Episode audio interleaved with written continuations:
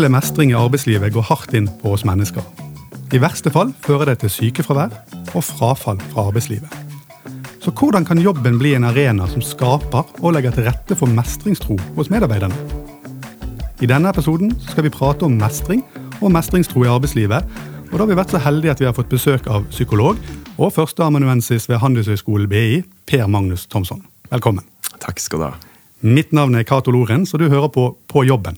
Podkasten som tar for seg det meste av det som skjer på en arbeidsplass. Ja, velkommen skal du være, Per Magnus. Takk for det. Du, Jeg har lyst til å spørre innledningsvis. Hvorfor er det å mestre noe så viktig for oss mennesker? Åh, det er et uh, veldig stort spørsmål. Ja. og um, for å bare starte med sånn, uh, en litt sånn faglig uh, start på det, å svare på det spørsmålet, så, så har jo psykologer vært opptatt av det å prøve å liksom besvare det spørsmålet hva er menneskets helt sånn grunnleggende behov. Og der har vi mange, mange svar på det og mange teorier om det. Men, men en av de tingene som alltid går igjen i de, de teoriene, eller, det er behovet for mestring. Um, noen ganger så kaller vi så vinkler vi det mer mot altså behovet for identitetsbekreftelse, føle seg bra. Eh, I arbeidslivssetting og sånn på BI og sånn, så snakker vi nok eh, oftere om det samme behovet rent som en sånn mestringsopplevelse, sånn, særlig på jobben og sånne ting. Men, men, men det, det, det, er veldig lite kontroversielt å hevde at behovet for å, å være skapende, mestrende, føle seg bra, føle seg flink, at det er et kjernetema for mennesker. Og, og fravær av det fører ofte til, til, vonde tilstander. Til at vi eh, skrur oss selv av, til at vi lukker oss, til at vi føler oss nedstemt osv. Så, videre. så det er helt opplagt noe av det mest sånn, sentrale behovet i oss mennesker. Mm. Mm. Er det mulig å sette noen ord på hva som, som skjer med oss mennesker når vi opplever mestring? Um. ja, det um jeg tror sånn, Rent sånn følelsesmessig så tror jeg nok vi, vi, er nærmest den følelsen som heter glede. Altså sånn hvor, uh, hvor vi både sånn i øyeblikket kan oppleve, um, kan oppleve at det er veldig gøy å få til ting. Altså sånn, det, tror jeg, det tror jeg er veldig det påpeker jeg det, det opplagte, på en måte, å si det. Da. Men, men men, og, og, som vi kjenner oss igjen fra alt. altså Helt fra, fra idrett, fra å lære seg å danse en ny dans, uh, fra å få til en fint samspill med ungene. Altså sånn, det, det, å føle seg flink, altså, det, det, gjør at vi føler oss glad og lykkelige i øyeblikket. Og, og hvis vi tenker litt sånn mer de lange linjene, så, så, er det også med å gi oss en, en opplevelse av det vi, både sånn det vi kan kalle mer sånn selvfølelse, altså det å føle seg bra med seg selv, og også sånn mer selvtillit mer sånn på spesifikke arenaer og sånne ting. Så, så det gjør, gjør, noe med oss, både i øyeblikket, men også sånn med hvordan vi opplever oss selv i livet. Så det er, ja. Mm. Og Jeg sa innledningsvis at du er psykolog, og du er jo du er psykolog ved Institutt for psykologisk rådgivning. Mm. Og, og jeg vil, har jobbet mye med begrepet mestringstro, vil jeg tro. Og, og mm. kanskje setter også veldig mye i, i praksis hva, hva, det gjør med mennesker. Mm. Uh, Helt klart. Og, og, og, vi psykologer, når vi jobber, jobber med, terapi, med, terapi, og med, med også i lederveiledning, så, så møter vi oss som den skyggesiden av dette temaet. altså Fravær av, av mestring, og hvor det hvor det mm. selvfølgelig er, henger sammen med både sånn angst og depresjon og de vanlige sånn de vanlige grunnene til eller og de viktigste grunnene til sykefravær, f.eks. Så, så det, er, det er både en fin, en fin, historie med det der å klare å skape det i et arbeidsliv, og også en, en vond historie og, som handler om sykemelding og, og søvnløshet og, og en vonde følelser inni inni seg, på en måte, dette, det, det temaet med mestring. Det, ja, og, og, det vet vi at hvis, hvis folk, og, nå snakker du om arbeidslivet, og det, det, er jo egentlig det vi skal snakke mest om i dag, det er jo mm. hvordan eh, jeg sa det innledningsvis, hvordan kan arbeidsplassen bli en arena som, som er med på å skape mestringsro hos sine medarbeidere. Mm. Og, og, Det kan du en del om, og, og, du knytter det litt opp til det som du sier, disse grunnleggende psykologiske behovene vi mennesker har. Mm. Eh, kort og godt hva vi, hva vi egentlig trenger mm. for å ha det bra. Ja.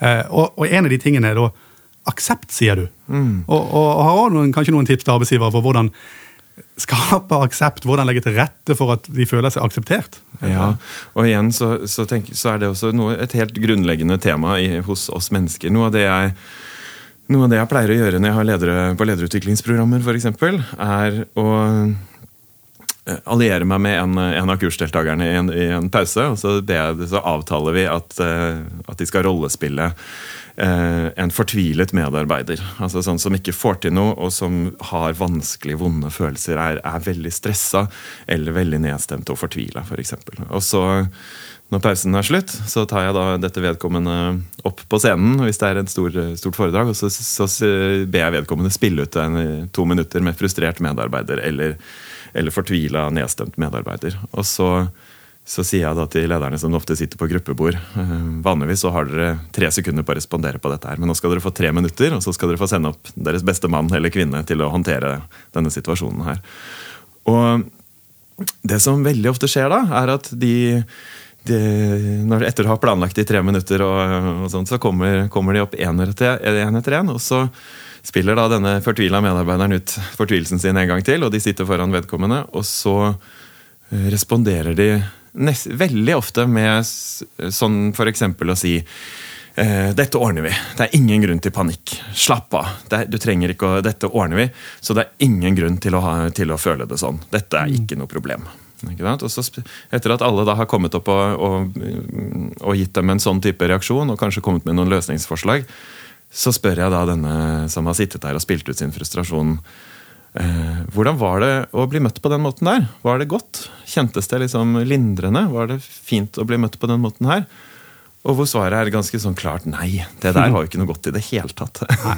og, hvor de, og hvor vi da pleier å prate om hva, hva er det vi trenger i stedet. Ja. Hva er det vi trenger når vi er fortvila? Hva er det vi trenger når vi er nedfor og lei oss? Mm. Uh, hva er det vi trenger når vi er, veldig, når vi er sinte og frustrerte? Um, og det, det, store svaret på det spørsmålet der er jo at vi trenger noen som det vi kaller på psykologspråket validerer, validerer oss. Altså ja. sånn, Som kan fortelle oss at jeg skjønner at, at du er lei deg nå. Jeg skjønner at du ble redd nå. Det er ikke mm. noe rart at du mm. er sint. jeg, på det som skjedde der. Mm. Og at vi er med folk inn i den type opplevelse i noen sekunder, og noen ganger noen minutter, og noen ganger kanskje en dag eller flere dager hvis det er, hvis det er store ting som har skjedd. Mm. Før vi kaster oss på, på, det å være mer sånn responsiv og løsningsorientert, f.eks. Ja. Noen ganger er det aller viktigste for oss mennesker å føle oss sett og forstått eller akseptert. Ja. Sånn at, og at det er greit at du har de følelsene du har. Mm. Og Det gjelder jo det, det gjelder barna våre også. Når, vi, når, barna våre kommer og sier at 'jeg er redd, jeg vil ikke på, i barnehagen eller på skolen', uh, det å møte dem på, og si uh, 'jo, jo, men det, det, går bra, det er ikke noe å tenke på, slapp av, dette går fint'. Så det vi egentlig formidler til barna våre da, er jo den følelsen du føler nå, mm. det er feil, eller det bør du slutte å føle. Og som i tillegg til å gi barnet en opplevelse av å være, av å være redd, og, og, eh, så gir det også en opplevelse av å være alene og det å skamme seg over å føle det man føler. Og Litt det samme er det også egentlig for oss voksne. Mm. Så, så, noe av det, vi, skal, vi, snakker jo ofte om relasjonell ledelse som et sånn hedersord, f.eks. Ja. Men hvis vi går inn og, og det er masse masse forskning som sier liksom at, at, ledere som, som, er relasjonelle og gjør og er støttende, og, og sånne type ting, at de får mer fornøyde medarbeidere og alt dette her. Men, og, og det, og det, er nyttig på en måte å vite det, men, men det store spørsmålet, eller, og det vi sjelden får jobbet nok med, med ledere, eller sånn det ledere ofte trenger, er jo en konkretisering av hva det vil si å være i en mer sånn omsorgsposisjon. Ja. Det der, og hva, hva, vil det faktisk si å være støttende? Og mm. ofte har vi intensjoner om å være støttende når vi sier at nei, men dette kommer du til å få til. Mm. Dette går bra. ikke sant? Slutt, Ikke tenk på det sånn. Hva er det verste som kan skje? ikke sant? Dette, dette ordner du. Mm. Hvor det, det, er så gode intensjoner. Vi vil jo virkelig den andre vel når vi sier det der. Men konsekvensen er ofte det motsatte. ikke sant? Så det, det, vi ofte trenger, er jo å få, å få noen litt sånn verktøy og litt sånn enkle, eh, enkle mm, grep vi kan ta. da, og lære det. Sånn, som gjør at ledere noen ganger kan sette en grense og samtidig validere. ikke sant? Sånn, Jeg mm. skjønner at du trodde du skulle ha fri nå, og at det skjer noe hyggelig på, i kveld. Mm. Men jeg trenger at du jobber overtid. At det er en helt mm. annen opplevelse enn å bare si du, i kveld blir det overtid. Mm. Du kan ikke gjøre noe med det. på en måte. Sånn. Ja, og det er, jo, det, det er kjempeinteressant å høre på deg. og det, Jeg tror jeg er utvilsomt engasjert i dette. Men, men det jeg tenker da når du snakker nå, det er jo også hvor utfordrende det er for en leder på en måte å kunne møte mennesker på denne måten. For det, mm. Er det sånn at det, det er knyttet til en del personlighetstrekk hos oss mennesker? At, at ledere da bør ha disse personlighetstrekkene for å kunne klare mm. å møte mennesker? Eller som du sier, kan man mm. lære dette? Eh, begge deler. Ja. Altså, sånn, det er, eh, I min eh, doktorgrad for eksempel, så, så var noe av det jeg gjorde, var å se på medarbeiders opplevelse av om lederen deres var en god omsorgsperson, rett og slett. Altså lederens evne til å gi omsorg. Og så satte jeg det i sammenheng med ledernes historier med, i nære relasjoner. Hvor de ble spurt om hvordan hvordan har det vært å være deg med foreldrene dine? Hvordan er det å være deg med dine aller nærmeste i dag? Hvordan er det å lene seg på noen? Hvordan er det å eller Hvor redd er du for å bli avvist? Hvor, mye, hvor lett er det å få tillit og knytte seg til noen? Og så så vi, og Der ser vi klare sammenhenger. altså ledere som, Så, så vi kan godt tenke at det er en, noe biologi som vi ofte tenker når vi tenker personlighet. At, at det, er noe av det der også. Mm. Men, men eh, det er nok primært så handler omsorgsevnene til ledere så, og hva man gjør på autopilot, det handler primært om hva vi har lært selv, og hva vi har erfart selv. Ja. De som har mye erfaringer med, at, med å bli tatt vare på. Med at når det er noe, så er det godt å åpne seg og godt å gå til noen andre, og andre kan, kan respondere på det jeg trenger. Ja. Som, som, vil være forskjellig avhengig av hvilke følelsestilstander vi er. Når jeg er lei meg, så trenger jeg trøst.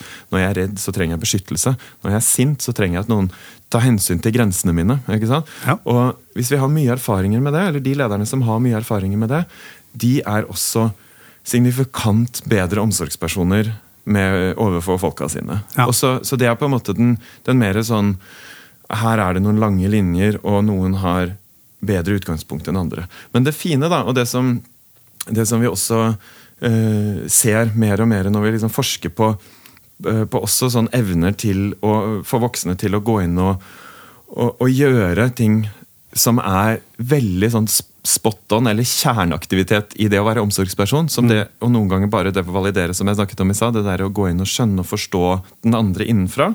Det å, noen, det å, også gjøre det når man setter grenser, uten at man liksom trenger å sette andre grenser, men bare validere også når vi setter grenser. Også det å kunne si unnskyld, f.eks., som er helt mm. sentralt. Når man er i asymmetriske maktforhold eller relasjoner. Mm. Det, å, mm. det, å, det, er helt opplagt at ledere vil tråkke på tær, eller vil, vil, vil handle på måter som, som, vil oppleves ugreit for medarbeidere, og hvor man slipper unna med det. Sånn, og at det, er vanskelig for medarbeidere å nødvendigvis liksom reagere på det. Og hvor det er helt mm. veldig veldig innafor å si unnskyld. Og, jeg, og min påstand, etter å ha snakket med fryktelig mange ledere i én-til-én også, i terapi og ledercoaching ja. i ti år, er at ledere sier ganske lite unnskyld. Altså, sånn, de hadde sannsynligvis hatt mye bedre relasjoner til medarbeiderne sine hvis de hadde sagt mer unnskyld. Mange av mm. dem. Og det betyr ikke at vi skal gå rundt i en sånn unnskyld at det er til og, og bare sånn kjempeydmyk posisjon hele tiden. Men, men, det handler om å ta et radikalt ansvar når man er i en asymmetrisk relasjon, og tenke mm. at siden jeg er i den øvre posisjonen mm. i en relasjon, så har jeg jo også et særansvar også i forhold til å f.eks. si unnskyld. Ja. Og det å kunne liksom, og disse tingene her, det å validere, det å sette grenser på måter som også oppleves validerende, og det å si unnskyld, mm. sånne typer ferdigheter, det er ganske trenbart. Og Det er liksom mm. den fine siden av historien. her, sånn at så Selv om vi har ulike forutsetninger og ulik bagasje, på en måte, så, så kan de aller fleste ledere også bli en del, noen hakk flinkere på dette. Ja, ja. ja og det, det, det, tror jeg mange har godt av å høre. Si mer unnskyld. Det, det er fantastisk. Uh, kanskje det, blir flere som sier unnskyld etter å ha hørt på denne episoden. Men, men, men, men akkurat det å si unnskyld, det, vil også sikkert um, gi medarbeideren som trenger mestringstro, da, for å mm. på, en måte spole tilbake noe. Nå, nå, snakker vi om hvordan skape, arbeidsplassen kan være en arena for å skape mestringstro. Mm. Og Vi snakker om aksept er viktig, og det har du fortalt oss nå. Mm. Og, og, lederne kan si mer unnskyld. Og det, og det, vil kanskje også skape trygghet, som også er en sånn mm. eh, grunnleggende psykologisk behov for oss mennesker. Å være trygg på jobb. Føle, hva, hva, vil det si å være trygg på jobb og føle trygghet? Ja, det er jo For det, da er vi jo inne på et av de andre grunnleggende psykologiske behovene våre. Og kanskje de to mest sentrale, mestring og trygghet. på en måte. Altså sånn, og det å være trygg altså sånn Jeg tror Hvis vi skal si noe sånn helt sånn og Hvis, kan, hvis jeg kan dra det igjen litt inn i liksom dypsykologien først, ja, ja, ja. og begynne der altså sånn, så, så så vi altså sånn, det, det, aller mest spennende uh, feltet i psykologi, liksom, som er et svært svært felt internasjonalt, er det som heter tilknytningspsykologi. Som på en måte, som er masse masse forskning, tusenvis av artikler, hundrevis av lærebøker som, som tar opp det temaet som handler om trygghet. Og startskuddet for den tradisjonen der, som på en måte har revolusjonert psykologien litt, det var, det var eh, at etter andre verdenskrig så observerte Verdens helseorganisasjon at barn i, i England bl.a., utenfor London, i, i slummen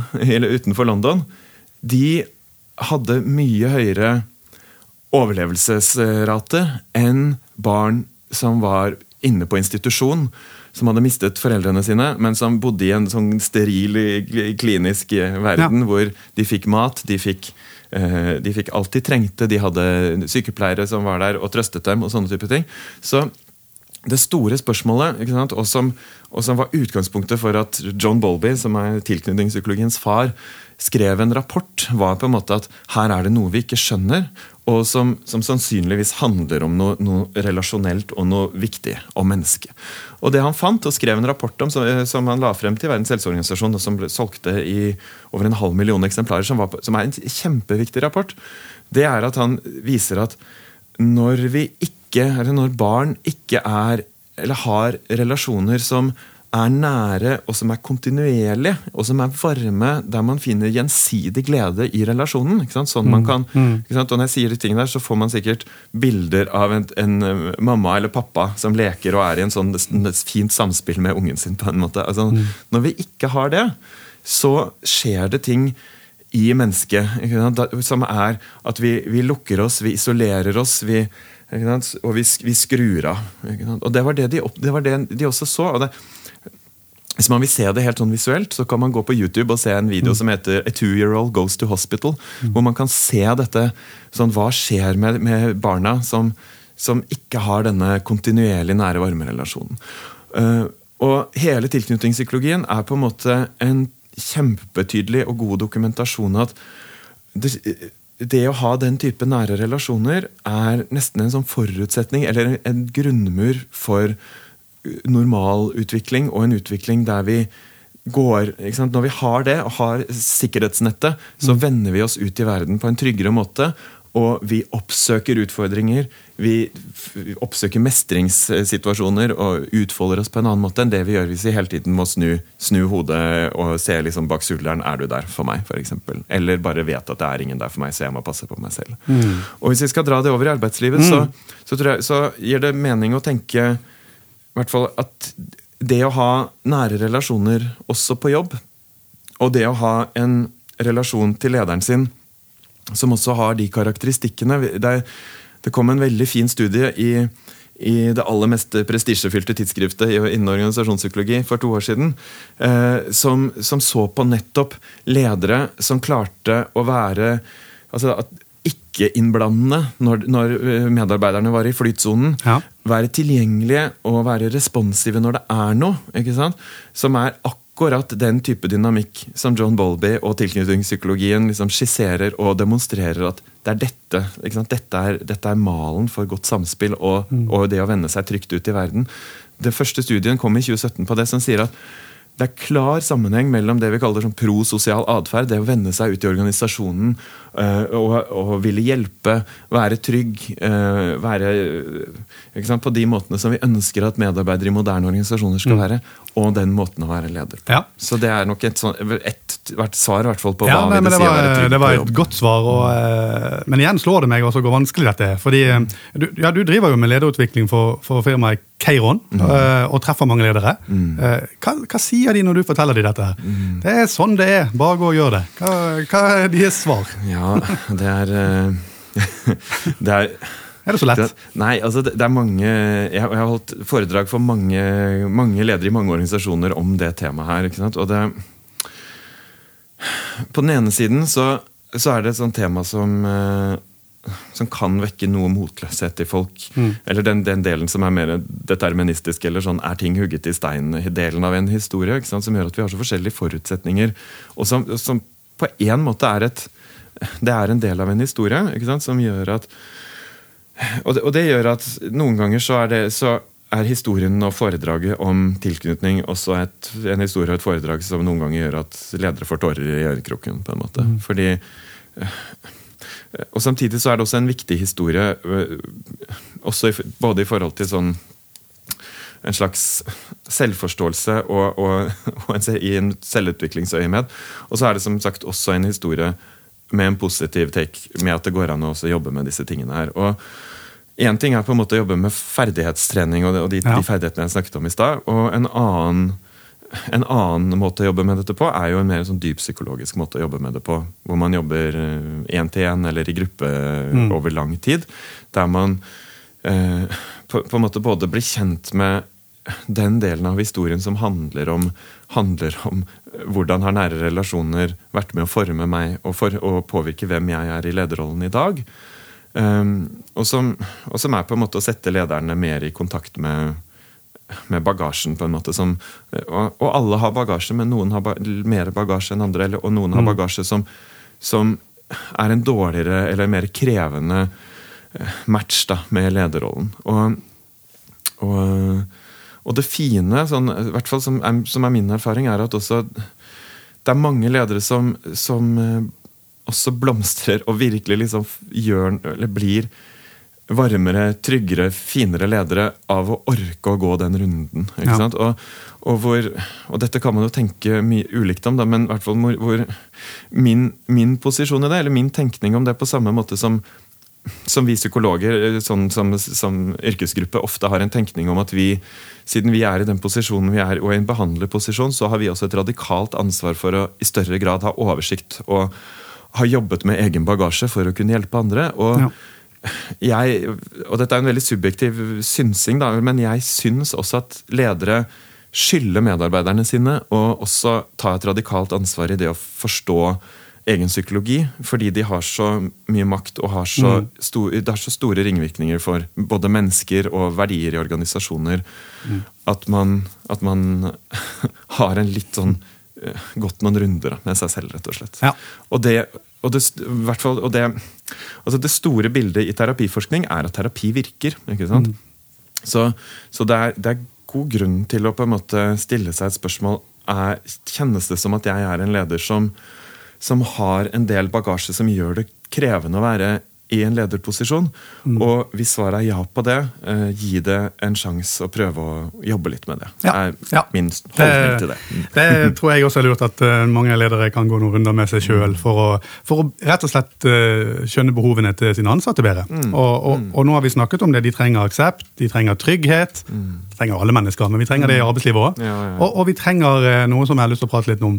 Vi trenger dette fine ordet autonomi, som da kan vi oversette det til en form for selvstendighet, eller ja, ja. du kan jo ta det med, men, men uansett, det er noe vi trenger, at, som du har sagt og skrevet, er at vi må bli agent i eget liv, mm. eh, også på jobben. Mm. Og vi trenger å være med og, og ha innflytelse og, og, få lov å ta mm. mm. valg som faktisk er reelle. Kan du eh, si litt mer om det? Ja, og jeg, og, jeg tror både hvis vi ser på ser på sånn generasjonsforskning, altså på hvem er medarbeidere i dag i forhold til hvem de var for én og to generasjoner siden. Ja. Og hvis vi også ser på eh, kulturelle forskjeller i arbeidslivet, så tenker jeg at i Norge i dag, og Norge fremover, så er det har det aldri vært så aktuelt på en måte å, å ta inn over seg at, at autonomi er eh, er kardinalfaktoren på en måte i forhold til indre motivasjon og sånne ting. At, og, og, det kommer det til å bli det kommer til å bli vel så viktig fremover også. Men, men hva, hva, hva, kan en arbeidsgiver gjøre på en måte for å gi medarbeiderne autonomi? Ja, og, og det, og det, tenker, det, er, det er mye. Og, ja. og, bare sånn, jeg tenker at ikke bare kan, men, men, og ikke bare bør, men skal. Altså Hvis vi ja. går til og med og ser på arbeidsmiljøloven, så er det helt sånn klart definert altså Ordet personlig utvikling står i arbeidsmiljøloven. ikke sant? Og, mm. og, og, de som har skrevet arbeidsmiljøloven, har stålkontroll på selvbestemmelsesteori, som er indre motivasjonsteorien, ja. som sier nettopp dette. ikke sant? Sånn, så, så, det er noe vi til og med er forplikta til å gjøre som, som, gode ledere og arbeidsgivere. Ja. Um, og det som, er, det som, er, helt sentralt i, i det der i selvbestemmelse, er jo at det, det, det, er, det, er, noe helt annet enn, enn det å bare slippe, slippe roret og la medarbeideren skulle gå inn og liksom Ok, nå det, har jeg frie tøyler. For, for, noen, for, noen, vil det føre til uh, subbing og loffing og lav produktivitet. For noen vil det føre til overveldelse og angst og 'men jeg vet jo ikke hva jeg skal gjøre', og fortvilelse, f.eks. For så, så det å være en leder som er god på autonomi eller medbestemmelse eller selvbestemmelse, handler f.eks. om å ha en klar tenkning om hva er top down-prosessene. Altså hva er det som skal komme ovenfra, og hva skal være bottom up. ikke sant? Og som leder representere noe sånn top down, f.eks. å si noe om overordnet målsetting. Sette en ramme som oppgaver skal løses innenfor.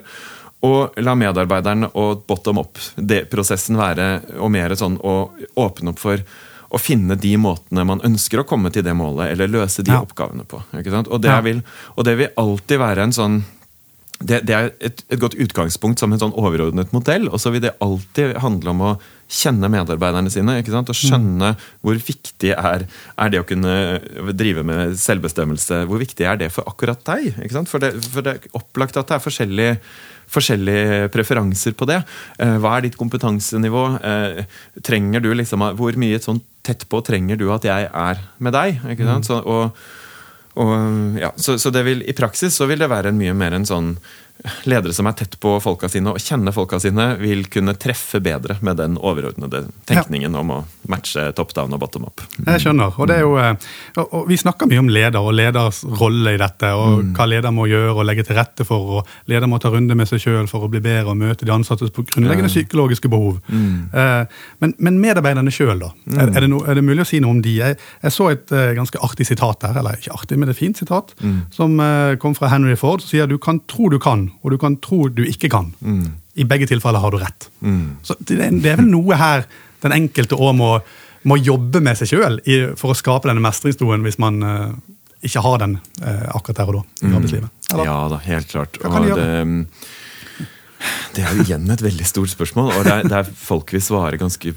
ulikt på det. Altså sånn en mer, en mer sånn tenketilnærming til det spørsmålet vil jo f.eks. være å bli kjent med, eller å jobbe med å ha et mer sånn produktivt eller, eller vennlig mindset. Altså sånn Nå må jeg huske på at Eller sånn Hva er egentlig det verste som kan skje? Eller nå må jeg huske på at de vil meg egentlig vel. Eller dette har jeg jo klart før. Altså sånn, og Det å gå inn i en mer en sånn Løfte frem tanke, tanker og perspektiver som man som man på en måte kan, altså, kan connecte med. Mm. Er det virkelighetsfjernt, så funker det ikke. på en måte, Men, men det å løfte opp de, de, sidene av en historie og de sidene av en selvopplevelse som, som kanskje blir tonet noe ned når vi er redd eller når vi er bekymret eller ikke føler oss flinke, er én måte å jobbe med det der på. En mer sånn følelsesmåte å jobbe med det der på vil jo liksom også kunne være å å gå, å gå, inn i, sånn som det vi gjør i terapi for eksempel, ofte, er jo kanskje å gå inn, i, gå inn i det landskapet og bli ordentlig kjent med den delen av oss som som kan være selvkritiske mot, mot oss selv. Den, den, styggen på ryggen eller lille mm. djevelen på skulderen som vi hvisker i det ene øret vårt at sånn, 'Dette kommer du ikke til å klare'. Du, de andre er mye flinkere enn deg. Du er, du er ingenting. Du har vært så lenge ute at, at, du ikke kommer til å klare å komme tilbake. De andre ser på deg. De andre mm. skjønner at du ikke får det til. Og så, og så for det, det, er jo ofte en, en del, eller en, en, del av en selv i, i en sånn lav mestringstro-situasjon. Og og hvor det å også få kontakt med, med den delen som er, representerer noe annet, og som nesten alltid også er der, men som er mer gjemt. Den delen som handler om men jeg fortjener å ha det bra. Jeg fortjener mm. å være god med meg selv. Eh, og som kanskje til og med blir litt sånn sint og forbanna på denne styggen på ryggen som driver og hvisker det inn i øret. Og og i terapi så, så, jobber vi med å aktivere de ulike typer følelsene. ikke sant? Sånn, vi kan til og med sitte og si eh, Så når du hører hva den djevelen hvisker deg inn i øret, hva får du lyst til å fortelle den da? ikke sant? Jo, jeg blir jo ganske provosert når jeg hører hvor kjip den er med meg. på en måte. Ja. Altså, vi kan jobbe på den måten der. Så, så det er mange og, og, jeg tenker noe av det at, Grunnen til at jeg også drar frem det med terapi, og sånn, er at det er, det, det, det er komplisert å jobbe med å jobbe med dette på egen hånd. Mm. Det er komplisert å helt alene skulle komme seg ut av en sånn lav mestringsopplevelse eller lav selvtillit på noe. Så, så, noe av det vi Så noe av det som og jeg tenker det er til og med litt sånn, For mange er det også en sånn skamfull historie å lese selvhjelpsbøker der du der du hele tiden får en opplevelse av at dette virker jo så enkelt, og så klarer jeg ikke det engang. Jeg klarer ikke bli, selv etter å ha lest alle disse bøkene, så klarer jeg ikke da engang å tenke de positive tankene. Kan, er noens opplevelse. Så, så, så, et sånn helt sentralt tema, og hvis vi igjen skal spille på de strengene som har med grunnleggende psykologiske behov å gjøre, mm. så tror jeg noe av det aller viktigste for veldig mange er jo også det der å kunne bruke de vonde følelsene som man kjenner på til nettopp det vonde følelser er ment til. Det der, for det er, et, Følelsesapparatet vårt er et informasjonssystem. Mm. Og når vi er lei oss, så kan vi bruke det til å si fortelle noen som er glad i oss, at 'jeg er kjempelei meg', kan, og dermed få trøst. Eller 'jeg er redd', dermed få beskyttelse. Og, og det å, liksom, å, å, jobbe med det i, mer relasjonelt enn det å skulle sitte og, og tenke seg til høyere selvtillit ja. alene, tror jeg vi når vi ser på sånn, hva, hva, som virker i terapi, så tror jeg vi kommer til å se en mer nyansert eh, et bilde da, enn det vi har hatt litt sånn tendens til å se med veldig mange selvhjelpsbøker som er sånn 'dette kan du fikse sjøl'-orientert. Ja, ja, Riktig. Uh, tiden går veldig fort, ja. så vi må, vi må, tenke på å avslutte. Men, men, jeg har lyst til å spørre deg uh, helt til slutt. Hva, hva, er det man får igjen som bedrift? For nå er det mange ledere og HR-medarbeidere. og ja, ansatte, medarbeidere, uansett, som hører på. Hva mm. får man igjen som bedrift uh, hvis man har medarbeidere som har høy mestringstro? Mm. Hva, hva, hva gevinst er det å hente? Ja, det Det er i hvert fall helt klare Til og med sånne studier som viser sånn eh, det vi på, på BI kaller return on investment. altså sånn penger At man ja, ja fornøyde medarbeidere er penger i kassa. på en måte. Mm.